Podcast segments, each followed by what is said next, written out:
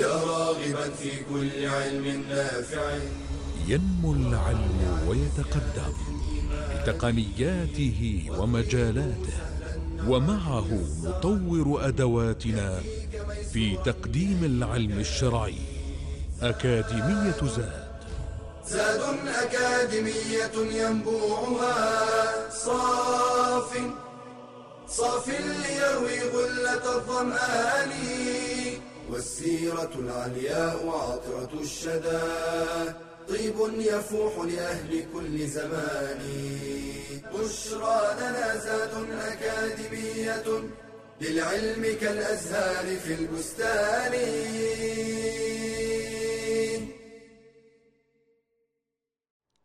إن الحمد لله نحمده ونستعينه ونستغفره ونتوكل عليه ونعوذ بالله من شرور أنفسنا وسيئات أعمالنا. من يهده الله فلا مضل له ومن يضلل فلا هادي له وأشهد أن لا إله إلا الله وحده لا شريك له وأشهد أن نبينا محمدا عبده ورسوله صلى الله عليه وعلى آله وأصحابه وإخوانه ومن دعا بدعوته واستنى بسنته واهتدى بهديه إلى يوم الدين وبعد. فحياكم الله إخواني وأخواتي من طلاب وطالبات العلم في برنامج أكاديمية زاد في هذه الدورة الثانية وهذا المستوى الرابع من آه، دراسة مقرر السيرة النبوية على صاحبها أفضل الصلاة وأتم التسليم. آه، ندرس في هذا المقرر الرابع آه، شيئا من أحوال النبي صلى الله عليه وسلم المختلفة فرحه وحزنه وغضبه و همومه وتفكره صلى الله عليه وآله وسلم ما يحب وما يبغض كل ذلك مزيدا لنقتدي ونتأسى به صلى الله عليه وسلم فيما هو ليس من خصائصه صلى الله عليه وسلم وقد قال الله عز وجل لقد كان لكم في رسول الله أسوة حسنة لمن كان يرجو الله واليوم الآخر وذكر الله كثيرا وأيضا الإنسان إذا أحب انسانا فإنه يبحث في تفاصيل حياته وأحواله وهذا شأن المؤمن المحب لرسول الله صلى الله عليه وآله وسلم. اليوم نتحدث بإذن الله عز وجل عن همومه صلى الله عليه وسلم. ماذا كان يهمه؟ ماذا كان يشغله؟ ما الذي كان يسيطر على تفكيره أكثر ما يكون؟ عليه الصلاة والسلام ما هي الهموم التي يحملها ليس كلها ولكن بعضا مما كان يحمله صلى الله عليه وسلم أو يهمه أمره ويهتم به ويحرص عليه لقد كان من أكبر همه صلى الله عليه وسلم هو دعوة الخلق إلى الله عز وجل. كان أكبر همه صلى الله عليه وسلم استنقاذ البشرية. كان أكبر همه صلى الله عليه وسلم وقاية الناس من النار. وقد شبه صلى الله عليه وسلم حاله وقال إنما مثلي ومثلكم كحال الذي استوقد نارا. يحاول فجعل الجراد يريد أن يسقط فيها وهو يحاول أن يمنع هذا الجراد. ثم قال وأنا آخذ بحجزكم عن النار وأنتم تفلتون علي. انظر إلى إلى مثل هذه الشدة والحرص والاهتمام ومزيد العناية يعني وبذل الوسع في هداية الخلق والحرص عليهم والخوف عليهم من عذاب الله عز وجل. بل حتى أن ربه عز وجل خاطبه مسليا ومخففا ومواسيا له فلعلك باخع نفسك على آثارهم إن لم يؤمنوا بهذا الحديث أسفا. أي لعلك يا محمد أن تهلك نفسك أسفا وتحسرا على هؤلاء القوم الذين رفضوا أن يستجيبوا لدعوتك والذين رفضوا الإيمان بالله عز وجل والدخول في دين الله سبحانه وتعالى. كان النبي صلى الله عليه وسلم يحزن لذلك. كان يتألم كان يصيبه آه، التحسر على آه، يعني عنادهم على رفضهم لهذا الدين رغم وضوحه رغم مخاطبته للعقل وللفطرة رغم أنه يحل كل مشكلاتهم آه، رغم أنهم يعرفون أنه صادق صلى الله عليه وسلم مع ذلك يكابرون مع ذلك يعاندون ومع ذلك يمارسون كل صور الصدود والاستهزاء والسخرية والتهكم والاتهام والمعاندة فكان صلى الله عليه وسلم يحزنه ذلك وكان يهمه. فقال ربه عز وجل فلعلك باخع نفسك على آثارهم إن لم يؤمنوا بهذا الحديث أسفا تذهب نفسك حسرات عليهم وقال له لعلك باخع نفسك ألا يكونوا مؤمنين. يعني لعلك مهلك نفسك تحسرا وأسفا عليهم ألا يكونوا مسلمين أو مؤمنين أو يقبلوا دعوتك. فهذه من الأشياء التي تدل وترشد وتبين كيف كان حرصه صلى الله عليه وسلم على دعوة الناس. كيف كان يعني يذهب إلى الناس في أنديتهم يذهب إلى الناس في أماكنهم يتحين المواسم يذهب إلى القبائل يذهب المسافات البعيدة. من يقبل دين الله؟ من يقبل مني؟ إني رسول الله. من ينصرني؟ من يؤويني؟ حتى يعني بدليل على أن هذا الهم في استنقاذ الناس من الضلال والكفر والعذاب الله أنه كل من لقيه فإنه يدعوه إلى الإسلام. يعني إنسان آه، أخرجوه من الطائف مثلا مكذبا. ليس فقط مكذبا بل آذوه ورموه بالحجارة وأدموه ويصل متعبا منهكا إلى إلى بستان فيكون أول ما يشغل همه مع هذه الأحزان وهذه الهموم وهذه الغموم عداس الفتى النصراني من نينوى. لما جاء يقدم له الطبق قربه إليه فقال النبي صلى الله عليه وسلم بسم الله. فاستغرب عداس من هذه الكلمة إنه ما في أحد يقول هذه الكلمة آه، فقال أن أنا نبي وقال من أنت؟ قال أنا عداس أنا نصراني من نينوى أنه نصراني من نينوى. قال من بلد الرجل الصالح يونس بن متى؟ قال وما يدريك ما يونس بن متى؟ قال ذاك أخي وذاك نبي وأنا نبي. فأقبل عداس على النبي صلى الله عليه وسلم يقبل رأسه ويديه ورجليه ويبكي وشهد أن لا إله إلا الله وأن محمد رسول الله. فلاحظ يعني حينما يكون أن هذا هو الهم المشغل للإنسان دعوة الناس إلى الإسلام إدخال الناس في دين الله أفواجا آه، طلب الخير للناس رحمة للعالمين يدعوهم إلى الحق يدعوهم إلى الخير يدعوهم إلى الإسلام حيث الأمن والأمان والسلامه والأمن والاهتداء إلى هذا الدين العظيم. فلا يشغله شاغل رغم الآلام والجراح والأحزان والهموم والغموم إلا أنه وهو مهاجر يمر بخيمة أم بعبد ويطلبان آه، شيئا من الطعام ولو لبنا من تلك الشياه المرهقة المتعبة العجاف.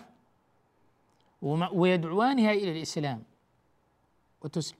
إذا لا يلقى أحدا في طريقه أو يجالس أحدا إلا ويدعوه إلى الإسلام ويدعوه إلى الدين فكان آه، بركة صلى الله عليه وسلم أينما حل. ولذلك من الدعوات الطيبة التي يدعو بها الإنسان واجعلني مباركا أينما كنت. يكون إنسان آه، خيرا مباركا نافعا مفيدا دالا على الخير. أينما كان أينما يحل كالغيث. أينما وقع نفع. نافعا للآخرين. فكان صلى الله عليه وسلم يعني أهمه آه، وشغله الشاغل الذي يشغل باله كثيرا ويبذل فيه جهده وتفكيره وعمله وينصب في ذلك هو دعوة الناس إلى دين الله عز وجل. بل أنه كان يحفز أصحابه ويحضهم على آه هذا الهم العظيم وهو هم هذا الدين. حمل هم هذا الدين والعمل لهذا الدين والبذل. والله إنه شرف عظيم للإنسان أن يكون مسلما. وإن من الولاء لهذا الدين العظيم والوفاء لهذا الدين العظيم هو حمل همه والسعي لنصرته. يا أيها الذين آمنوا كونوا أنصار الله. وتكون نصرة هذا الدين بأول ما يكون بامتثاله في أنفسنا وبالدعوة إليه بدعوه الخلق إلى الله عز وجل. وان نحمل هم هذا الدين وإبلاغه للعالمين. فالبشرية في أمس الحاجة إلى الإسلام. ولن تعيش البشرية حالة الأمن والسلام والطمأنينة. وكذلك أن تذهب من هذا الشقاء الذي يتزايد يتزايد باستمرار ويحطم آه، الشعور والنفوس إلا أن تأوي إلى هذا الدين وإلى هذا الإسلام فتجد الطمأنينة والراحة والأمن والسكينة. آه، أولئك لهم الأمن وهم مهتدون. اذا هذه واحدة والمجال الكبير حقيقة الذي كان يشغله صلى الله عليه وسلم ويهمه هو هم آه، إبلاغ رسالات الله عز وجل. الله عز وجل كلفه بهذه الرسالة يا أيها الرسول بلغ ما أنزل الله إليك. فكان هم البلاغ وهم البيان وهم هداية الخلق هو الهم المسيطر عليه صلى الله عليه وآله وسلم وكان من جملة ذلك هموم أخرى آه، بعد الفاصل نتطرق إليها بإذن الله عز وجل. فاصل ونواصل. بشرى لنا زاد أكاديمية للعلم كالأزهار في البستان.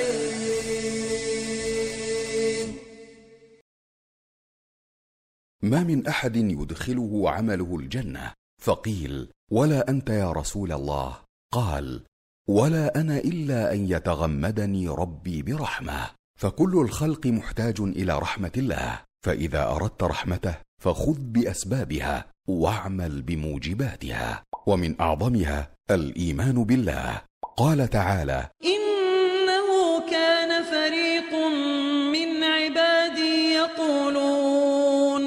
يقولون ربنا آمنا فاغفر لنا وارحمنا وأنت خير الراحمين. ومن موجبات رحمة الله الإحسان في العبادة وإتقانها بأن تعبد الله كأنك تراه فإن لم تكن تراه فإنه يراك. والإحسان إلى الخلق والرحمة بالإنسان والحيوان. قال تعالى إن رحمة الله قريب من المحسنين. وقال صلى الله عليه وسلم الراحمون يرحمهم الرحمن. ارحموا من في الأرض يرحمكم من في السماء. ومن موجبات رحمة الله التقوى. وهي أن تجعل بينك وبين عذاب الله وقاية وذلك بفعل الطاعات وترك المحرمات. قال تعالى وأطيعوا الله والرسول لعلكم ترحمون. ومنها اتباع القرآن والعمل به والاستماع إليه. قال تعالى وإذا قرئ القرآن فاستمعوا له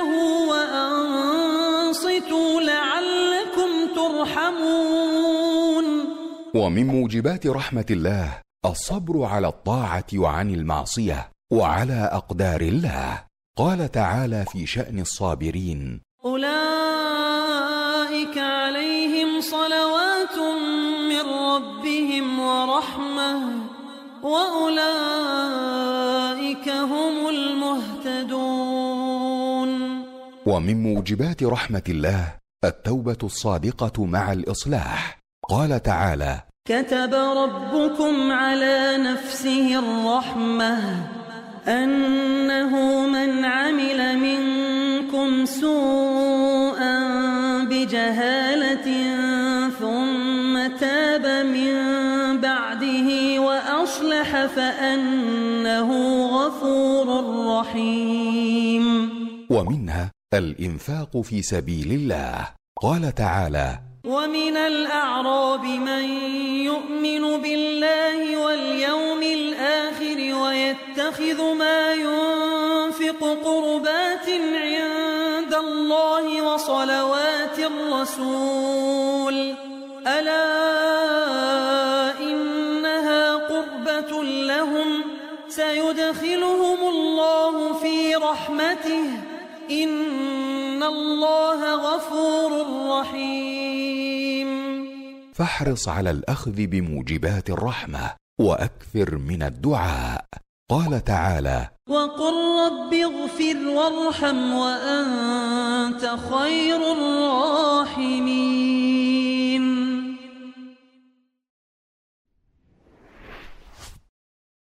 بشرى لنا زاد أكاديمية للعلم كالأزهار في البستان. الحمد لله والصلاة والسلام على رسول الله وعلى آله وصحبه ومن والاه وبعد. فقد كان من أعظم الهموم التي يحملها النبي صلى الله عليه وسلم هو هم بلاغ هذا الدين العظيم. هم حمل هذه الرسالة العظيمة والتكليف العظيم الذي كلفه الله عز وجل بإبلاغه. يا أيها المدثر قم فأنذر وربك فكبر وثيابك فطهر والرجز فاهجر. وكان ينقل هذا الهم إلى أصحابه رضي الله تعالى عنهم ويحضهم. على ذلك يقول لأن يهدي الله بك رجلا واحدا خير لك من حمر النعم. آه تلك الحمر وهي الإبل النجيبة العظيمة التي كانت تفخر العرب بها وهي كانت أعظم أموالها. فكان يعني يحضهم على إبلاغ هذا الدين على تبليغ رسالات الله على الحرص على هداية خلق الله عز وجل. فهذه كان من أعظم الهموم التي كان يحملها صلى الله عليه وسلم. أيضا هو من الهموم التي كان يحملها هم أمته ومصيرها في الآخرة. هذا كان أمر يعني يشغل بال النبي صلى الله عليه وآله وسلم. فعن عبد الله بن عمرو بن العاص أن النبي صلى الله عليه وسلم تلا قول الله عز وجل في إبراهيم لما قال: رب إنهن أضللن كثيرا من الناس فمن تبعني فإنه مني ومن عصاني فإنك غفور رحيم. وقال عيسى عليه السلام إن تعذبهم فإنهم عبادك وإن تغفر لهم فإنك أنت العزيز الحكيم. فرفع يديه صلى الله عليه وسلم وقال اللهم أمتي أمتي اللهم أمتي وأمتي وبكى. فقال الله عز وجل يا جبريل اذهب إلى محمد وربك أعلم فاسأله ما يبكيك. فقال جبريل عليه السلام فسأله فأخبره رسول الله صلى الله عليه وسلم بما قال والله أعلم بذلك. فقال الله يا جبريل اذهب إلى محمد فقل له إنا سنرضيك في أمتك ولا نسوءك. أخرجه مسلم. هذه بشارة بشارة لهذه الأمة ولكل من ينتمي إلى هذه الأمة من المسلمين أن الله سبحانه وتعالى سيرضي رسوله في هذه الأمة. وأن الله عز وجل لن يحزنه ولن يسوءه في هذه الأمة المسلمة المؤمنة التي استجابت لأمر الله عز وجل. وهذه والله من البشائر التي يستبشر بها المسلم. انظروا أيها الإخوة والأخوات إلى إلى هذا الهم. يعني يقرأ الآيات ثم تدمع عينه صلى الله عليه وسلم. يقرأ ما يعني ينتظر الأمم يوم القيامة فيبكي صلى الله عليه وسلم ويرفع يديه اللهم أمتي أمتي اللهم أمتي أمتي. اذا يحمل هم هذه الأمة صلى الله عليه وآله وسلم. وقد نشهد أنه صلى الله عليه وسلم قد بلغ الرسالة وأدى الأمانة ونصح الأمة. وأنه بذل كل وسعه عليه الصلاة والسلام ولم يترك بابا من الخير إلا ودلنا عليه. وحضنا عليه ولا بابا من الشر إلا وحذرنا منه وبينه لنا. وترك هذه الأمة على المحجة البيضاء ليلها كنهارها. فهذا من حرصه صلى الله عليه وسلم لهذه الأمة واهتمامه به. آه فهذا يعني يعني يبعث على الإنسان ما هي ما هي الصور التي تجسد الصور العملية السلوكية التي تجسد أن الإنسان يحمل هم إخوانه المسلمين. أنه يفرحه ما يفرح المسلمين ويحزنه ما يحزن المسلمين يفرح لفرحهم ويحزن لحزنهم ويعني كما في الحديث والله لا يؤمن والله لا يؤمن والله لا يؤمن. قيل من يا رسول الله؟ قال من يبيت شبعان وجاره إلى جنبه جائع أو كما قال صلى الله عليه وآله وسلم. يعني أقل تقدير أقل تقدير وأضعف الإيمان. أقرب ما يكون إليك هو جارك. يعني هل يحمل هم جيرانه هل يحمل هم المحتاج الفقير من جاء يعني سائلا أو طالبا لشفاعة؟ هم المسلمين. ولو لم يكن الإنسان يستطيع أن يقدم لهم إلا الدعاء أن يدعو لهم في جوف الليل أن يدعو لهم في سجوده أن يدعو لهم في أوقات الإجابة أن الله يفرج همهم. وينفس كربهم ويديم عليهم نعمة الأمن والأمان وأن يقوي المسلمين وأن ينصر الله عز وجل إسلام المسلمين وأن يعز الله عز وجل الإسلام والمسلمين وأن يغني الله عز وجل الإسلام والمسلمين وأن يوسع الله عز وجل على المسلمين أن يفرج همومهم ويكشف كروبهم وينزل عليهم الأمن والأمان والسلامه والإسلام والرخاء والاستقرار والتآلف والتماسك والتحاب والتعاون. هذا صورة من صور أن الإنسان آه، يحب لأخيه المسلم ما يحبه لنفسه وهي علامة على اهتمام الإنسان بأمر آه، المسلمين. من الأشياء التي كان يعني يهتم بها النبي صلى الله عليه وآله وسلم وتعتبر من جملة اهتماماته ويحرص عليها اهتمامه بموضوع الصلاة حتى في آخر لحظات حياته قبل وفاته صلى الله عليه وآله وسلم. موضوع الصلاة من الموضوعات التي كان يهتم بها غاية الاهتمام ومن ذلك أنه لما يعني يكون في بيته صلى الله عليه وسلم وفي شأنه ومع أهله وفي خدمة أهله فإذا حضرت الصلاة قام أو سمع قام وتجهز للصلاة وكأنه لا يعرفه أحد من الناس من أهل بيته لشدة عنايته بالصلاة.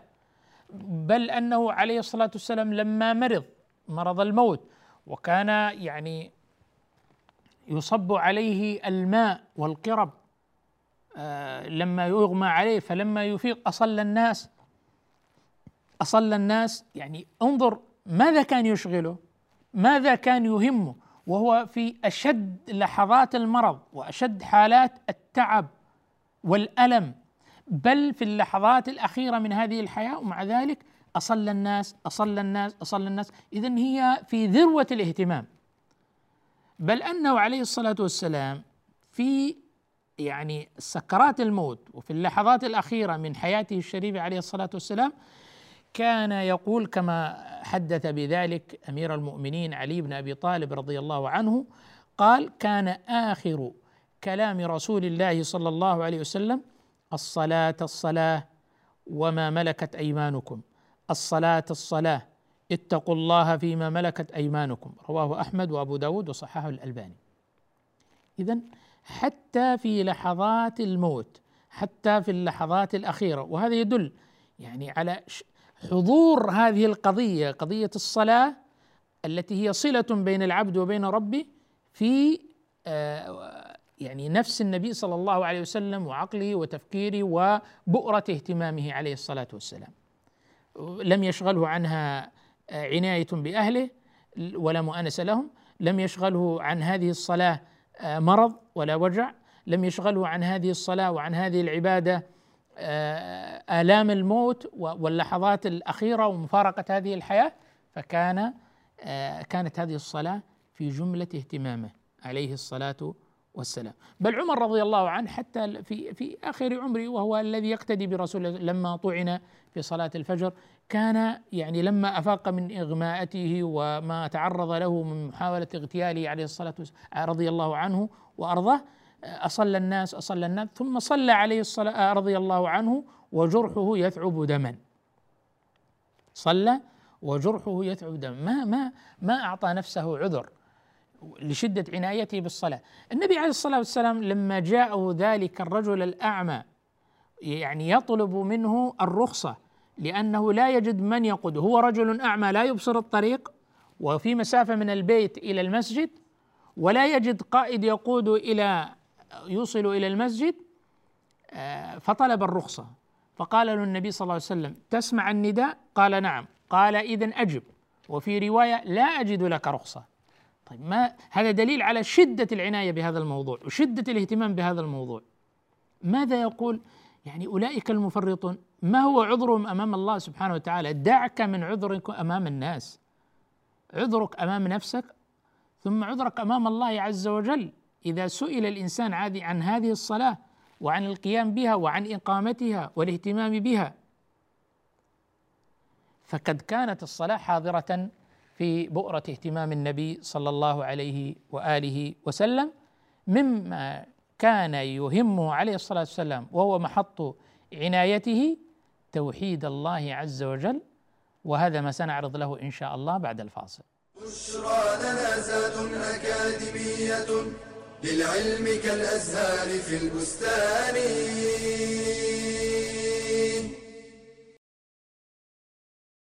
يتميز الإنسان عن سائر المخلوقات بالعقل وباستخدامه في التفكر والتأمل. يصل إلى الحقيقة. فالتفكر عبادة عظيمة لأنه موصل إلى الإيمان. قال جمع من الصحابة إن نور الإيمان التفكر.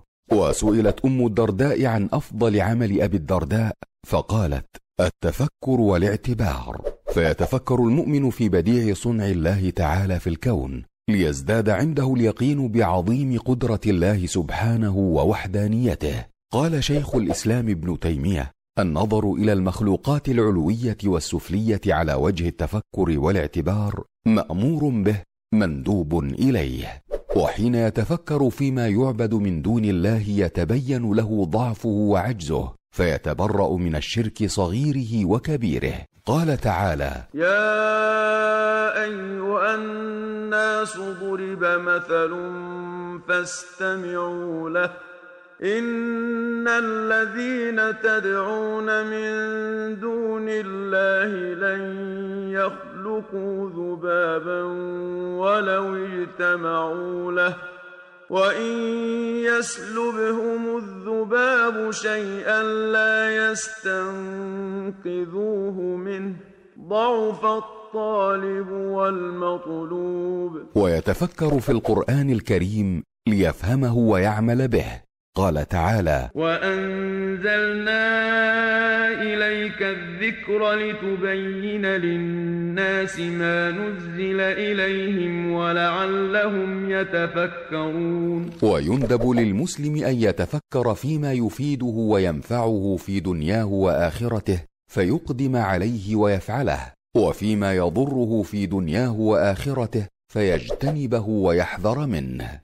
وفي الحديث احرص على ما ينفعك واستعن بالله ولا تعجز وأن يتفكر في شأن الدنيا والآخرة فيعلم أن متاع الدنيا قليل زائل وأن الآخرة خير وأبقى. قال النبي صلى الله عليه وسلم والله ما الدنيا في الآخرة إلا مثل ما يجعل أحدكم إصبعه في اليم أي في البحر فلينظر بم ترجع. بشرى لنا زاد أكاديمية للعلم كالأزهار في البستان. الحمد لله والصلاة والسلام على رسول الله وعلى آله وصحبه ومن والاه وبعد. فقد كان من همومه صلى الله عليه وسلم ومن اهتماماته العليا إبلاغ رسالات الله عز وجل والدعوة إلى دينه واستنقاذ البشرية وإخراجهم من الظلمات إلى النور.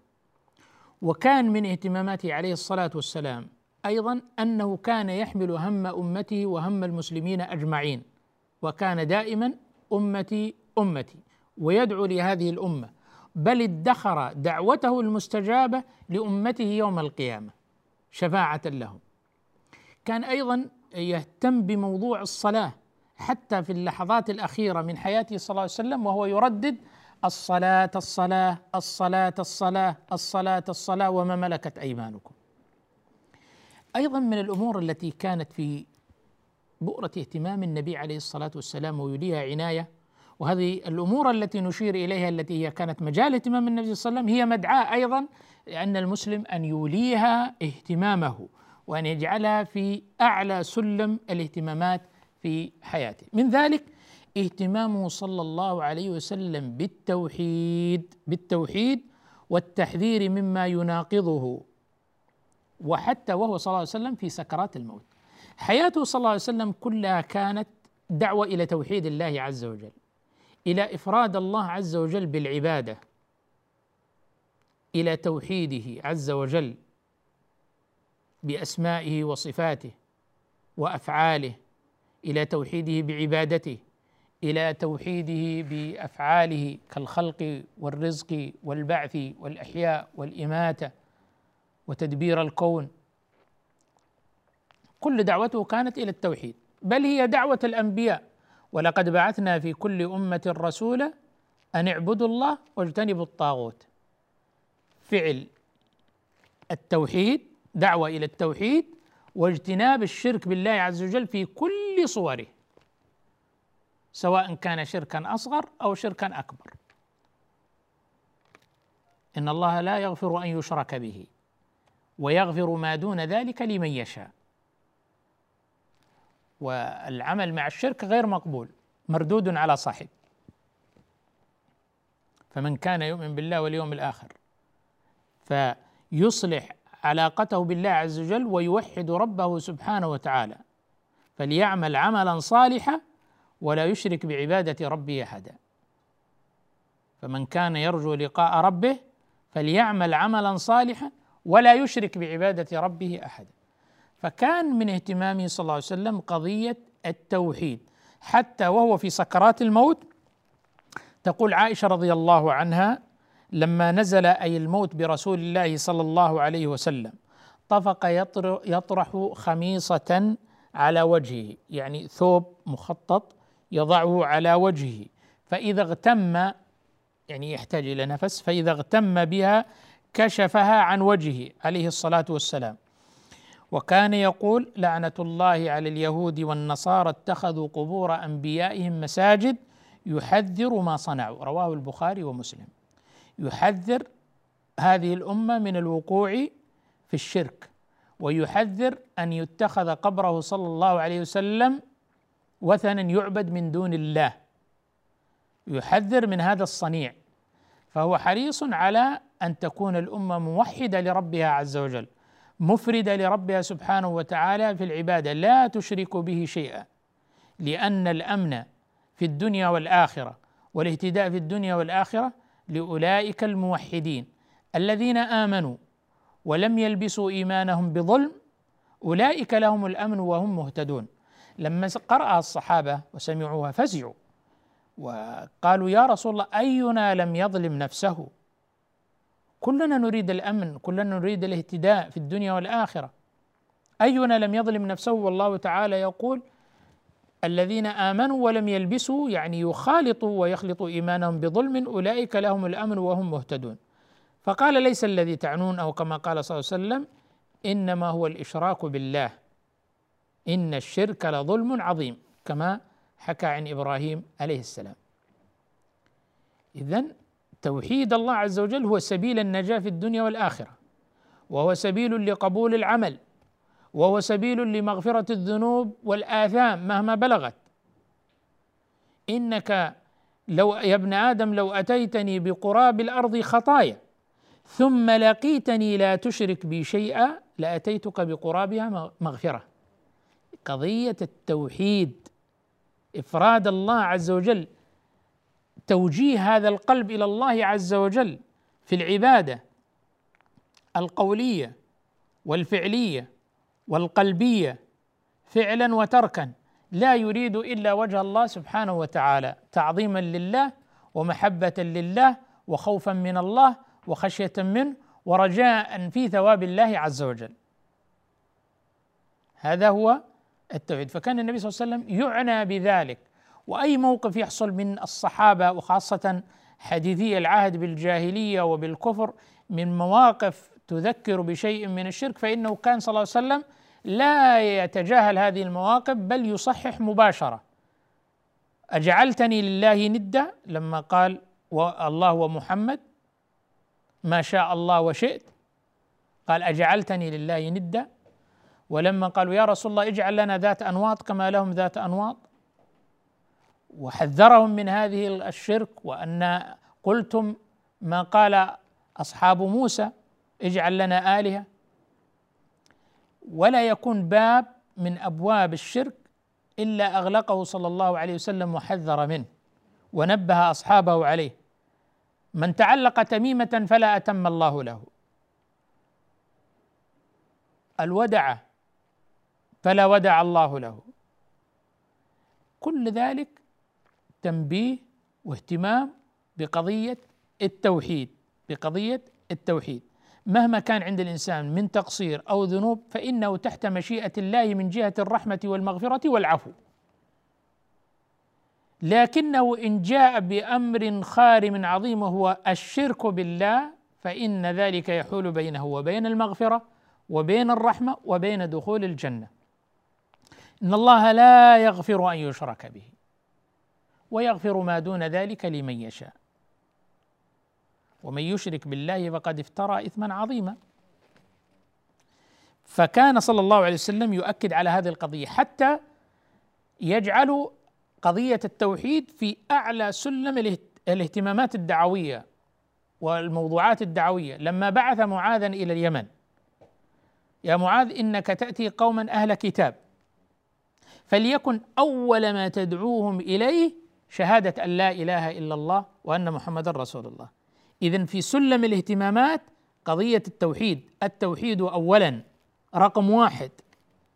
عبادة الله عز وجل إخلاص العبادة لله سبحانه وتعالى.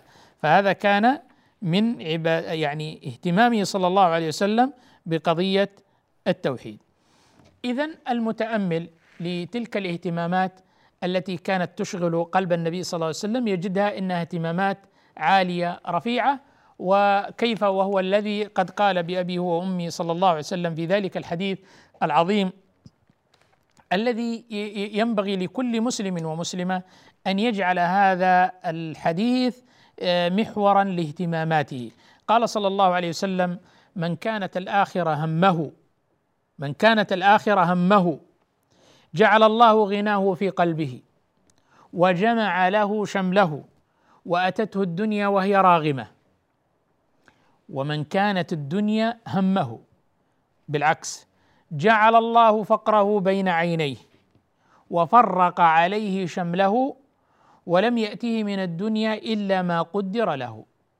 لن يأتي مهما بذل وصنع وجد واجتهد لن يأتي من هذه الدنيا التي بالغ وأسرف في الاهتمام بها لن يأتيه إلا ما كتبه الله عز وجل له. فلماذا لا يجعل الإنسان الهموم هما واحدا؟ فإذا جعل الهم هما واحدا جمع الله له تلك الأمور وجمع له شمله وتحقق له الغنى واتته الدنيا وهي راغمة. ولا يعني ذلك ألا يعني يأخذ الإنسان بالأسباب في طلب الرزق والخير لا. ولكن ألا تكون الدنيا هي الشغل الشاغل وهي المحرك الأول له وهي الدافع الذي يدفع وهو الذي يحمل همه ليلا ونهارا ويبتغي الحرص والزيادة. وإنما المقصود أن يتبلغ الإنسان بما يؤتيه الله عز وجل ويرجو ما عند الله سبحانه وتعالى وأن تكون الآخرة في قلبه أعظم الهموم آه التي تشغل قلبه.